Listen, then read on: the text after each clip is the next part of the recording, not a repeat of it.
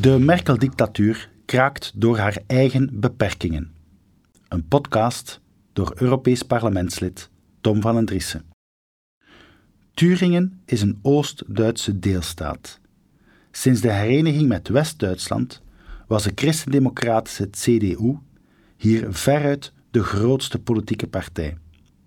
Bij de laatste verkiezingen in oktober 2019 werd ze amper de derde partij met 21 procent, ver weg van de absolute meerderheden die ze in de jaren 90 haalde. Winnaars van deze verkiezingen, enerzijds de rechtsnationalistische Alternatieve für Deutschland, die haar score meer dan verdubbelde tot 24 procent, anderzijds werd Die Linke, de rechtstreekse opvolger van de communistische eenheidspartij die in Oost-Duitsland decennia lang een criminele dictatuur vestigde, de grootste partij met 31 procent.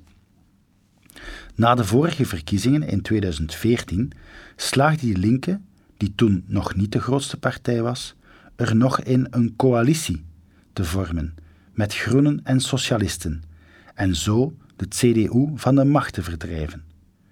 Vorige week werd gestemd over de nieuwe minister-president. De kandidaat van de kleine liberale partij FDP, Thomas Kemmerich, haalde het van de uitredend minister-president van Die Linke, Bodo Ramelov.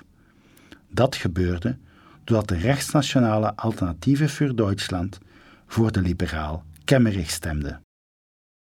Duitsland staat sindsdien in rep en roer. De christendemocratische CDU huldigt immers een cordon sanitair. Als zogenaamde middenpartij weigert ze elke samenwerking met wat zij als extremistische partijen beschouwt, zowel aan de rechterkant, AFD, als aan de linkerkant, die linke. Dat cordon sanitair heeft het CDU nu doorbroken. Linkse activisten kwamen meteen op straat om te protesteren tegen het verlies van hun communistische kandidaat Ramelov. Maar dat was maar het begin. Honderden bedreigingen werden geuit aan het adres van de democratisch verkozen Kemmerich. Zijn vrouw werd bespuwd. Zijn kinderen dienen sindsdien onder politiebegeleiding naar school te gaan. Kantoren en auto's van AFD en FDP werden gevandaliseerd en zelfs in brand gestoken. Dit is geen alleenstaand geval. De Duitse staatsveiligheid noteerde in 2018 bijvoorbeeld 108 brandstichtingen en 2219 vernielingen aan eigendom, allemaal door links geweld. Kemmerich nam onder druk van deze intimidatie al na één dag ontslag. Angela Merkel liet vanuit Zuid-Afrika weten dat de verkiezing van Kemmerich ongedaan moest gemaakt worden. Partijgenoten die hem op Twitter hadden gefeliciteerd, zoals de regeringscommissaris Christian Hirte, werden ontslagen. De conservatieve vleugel van het CDU, verenigd in de Werte-Union, wordt ondertussen door partijbonzen als Elmar Brok als kankergezwel omschreven. Dat moet weggesneden worden. Ook partijvoorzitter Annagret Kramp-Karrenbauer heeft ontslag genomen. Zij slaagde er niet in de bevelen van Merkel op te leggen aan de partijafdelingen. Lars-Jörn Zimmer van het CDU, in een andere voormalige Oost-Duitse deelstaat Sachsen-Anhalt bijvoorbeeld, maakte duidelijk een regering met steun van AFD wel te zien zitten. Alexander Gauland van de AFD reageerde ondertussen laconiek. Misschien moeten we wel voor Ramilov stemmen, zodat hij zeker niet verkozen raakt. Als links de verkiezingen verliest, kan ze in Duitsland nog altijd met straatgeweld en intimidatie de democratie onder druk zetten, waardoor democratische besluitvorming ongedaan gemaakt wordt. Bovendien blijkt het zogenaamde burgerlijke midden hier goedkeurend voor te staan applaudisseren. Wie niet plooit, of nog maar verdacht kan gemaakt worden niet te plooien, moet met wortel en tak uitgeroeid worden. De redenering is eenvoudig. Ooit kwamen de nazi's aan de macht. Dit mag nooit meer gebeuren. Aangezien de nazi's via democratische verkiezingen en op wettelijke wijze aan de macht kwamen, moet de democratie tegen die nazi's verdedigd worden. Dus van het moment links iemand als nazi bestempelt, of dat nu terecht is of niet, zijn alle middelen geoorloofd om deze zogenaamde nazi te bestrijden. Dat mogen we gezien de historiek van linksgeweld zeer letterlijk opvatten.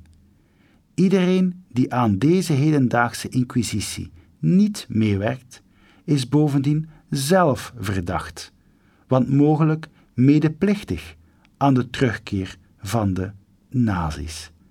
En kan bij gevolg ook het voorwerp worden van intimidatie, geweld en vervolging.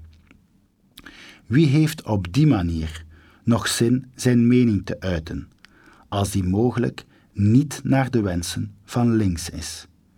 Burgerlijke vrijheden worden zo inhoudsloos, de burgerlijke rechtsstaat verdedigingsloos, het burgerlijke midden inhoudsloos en vooral weerloos tegen echt en reëel extremisme. En dat zit heus niet bij de alternatieven voor Duitsland. Het is niet toevallig dat in de voormalige Oost-Duitse deelstaten men het totalitair model van links herkent. Het burgerlijke midden verdedigt daar nog wel de democratische rechtsstaat tegen de extremisten. Dat doen ze door zelfbewust samen te willen werken met de AFD, omdat die geen extremisten zijn. En door de kandidaten van die linken weg te stemmen, die wel degelijk extremisten zijn. Maar dat is buiten Angela Merkel gerekend. Zij willen alle tegenstand tegen haar waanzinnig beleid uit de weg ruimen. Turingen geeft daar een perfecte aanleiding toe. Mensen mogen bij verkiezingen wel gaan stemmen, maar in wezen niets te zeggen hebben. Een regering die ze wegstemden, moet gewoon toch weer aan de macht komen, volgens Merkel. De communistische DDR schijnt zo niet verslagen te zijn met de val van de muur van Berlijn, maar wel zijn totalitair model geëxporteerd te hebben naar het voormalige West-Duitsland. Meerdere socialistische verkozenen werkten vroeger trouwens voor de Stasi. Geen enkel probleem voor Merkel, zolang je de essentie van haar beleid maar niet bekritiseert.